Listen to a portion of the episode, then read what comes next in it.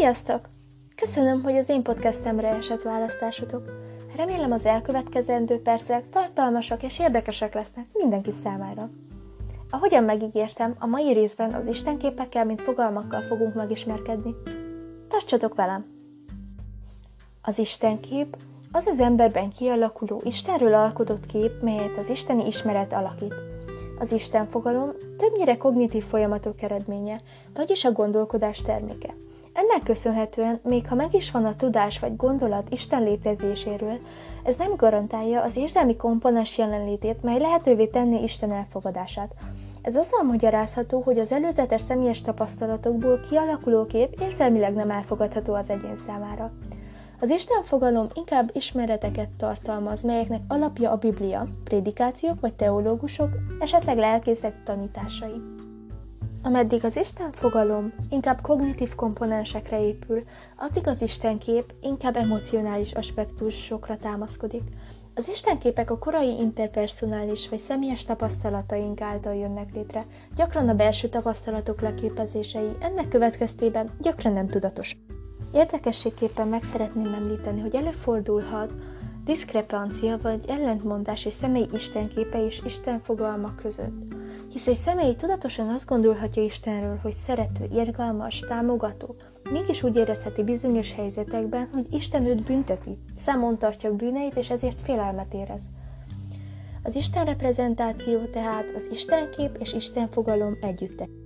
Hogy összegezzük hát az eddigi információkat, amikor Istenre gondolunk, jelen vannak kognitív komponensek, mely az Istenről kapott tudásunk, ugyanakkor affektív érzelmi tényezők is, melyek azt jelölik, hogy hogyan is érzünk, mikor Istenre gondolunk. Most, hogy tudjuk, hogy mi is ez az Istenkép, felmerülhet a kérdés, hogy hogyan is alakul ki. Nos, az elkövetkezőkben erről lesz szó. Az Istenképek kialakulása egybeesik az általános személyiség fejlődése, hiszen minden ember rendelkezik ezzel a képpel, viszont egyének közötti különbségek figyelhetőek meg, mienségét illetően. Az alapvető istenkép kialakulása a születéssel kezdetét veszi, Ebben az első szakaszban ugyanis a szülő istenképe meghatározó, azáltal, hogy hogyan értelmezik a gyerekgondozásban betöltött szerepüket, illetve milyen kapcsolatot alakítanak ki gyermekükkel. A megkeresztelés jó példa erre a folyamatra. Az anya különösen fontos szerepet játszik ebben a periódusban, ugyanis ekkor alakul ki a kötődés, melynek létrejöttének alapvető feltétele a gyerek fizikai és emocionális szükségleteinek kielégülése. Amennyiben az anya odafigyel a kisbabájának szükségleteire és kielégíti azokat, figyelemmel és törődéssel fordul a síró gyerekéhez, gondoskodik róla, akkor megjelenik a biztonságos kötődés és a bizalom, mely később meghatározza a gyerek világgal való kapcsolatát. Az istenkép kialakulása a három éves korra tehető. Az isteni reprezentációk különböznek a más korai reprezentációktól. Ennek két oka van. Elsősorban az isteni reprezentációk nem az Isten konkrét megtapasztalásából alakulnak ki, ehelyett a gyermek más tapasztalatait kapcsolja Istenhez. Másodszorban a konkrét tapasztalatok hiánya lehetővé teszi, hogy az Istenkép egy féle átmenetet képezzen a belső és külső világ között, melyet a gyerek szabadon alakíthat pszichológiai igényei szerint. Amikor egy gyermek először szembesül a bibliai tanításokkal, egy intézmény, mint például egy hittantábor keretein belül nehézségek merülhetnek fel a saját maga által kialakított istenkép és a társadalom által elfogadott istenkép összeegyeztetésében. Meg kell említenünk a serdülőkor normatív kríziseit is, hiszen ezeknek is lehetnek vallásos aspektusai. Ekkor zajlik le az istenkép beépülése, megszemélyesítése és abstrakciója. A fiatalabb serdülők még nem személyként tapasztalják meg Istent, az idősebb serdülők viszont Istenben egy személyt keresnek, akivel egy stabil kapcsolatot alakíthatnak ki. A kor előre haladtával a reprezentáció egyre elvontabb elemeket fog tartalmazni, viszont ezzel párhuzamosan megjelennek a kételyek. Az Isten reprezentáció fejlődése egy egész életen át tartó folyamat, mivel befolyásolják a tapasztalataink. Így bizonyos életkori krízisek távolabb vagy épp közelebb visznek Istenhez. Jó példa lehet erre egy megtérés történet, mikor valaki egy megrázó élettapasztalat hatására megtalálja Isten, és hívővé válik. Vagy ennek szöges ellentéte lehet az, amikor egy traumatikus esemény megingatja az Istenbe vetett hitet. Az istenképek alakulását befolyásolják a gyerek szülőkkel való kapcsolata. Ugyanis a szülők nevelési stílusa meghatározó ebből a szempontból, hisz istenképüket átadják utóduknak.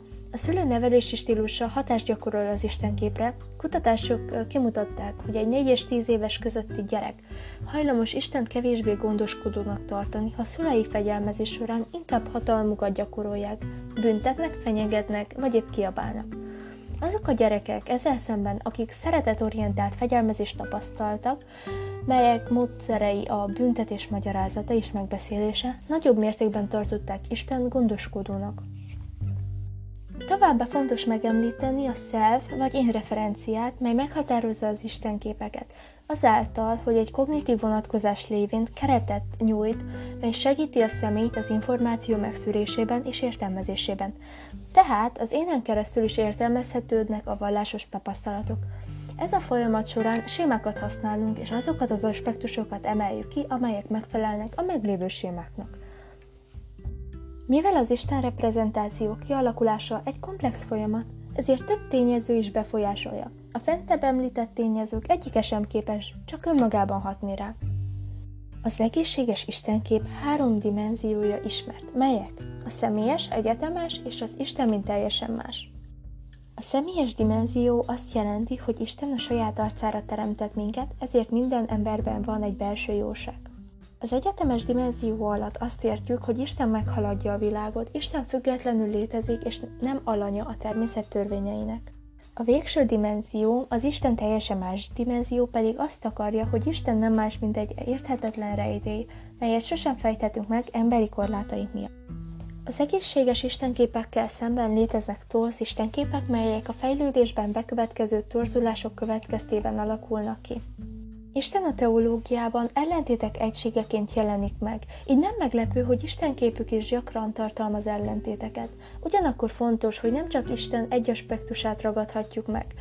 Ha ezt tesszük, egyoldalú képünk alakulhat ki, mely téves nézetekhez vezethet. A szakirodalom négy torz toxikus istenképet határoz meg. Ezek a démoni bíró, a halálistene, a könyvelő isten, illetve a túlkövetelő isten. Mindezek az információk hatására felmerülhet benned az a kérdés, hogy hogyan is kapcsolódik mindez a daganantos diagnózishoz, vagy a személy diagnózisára adott reakcióhoz.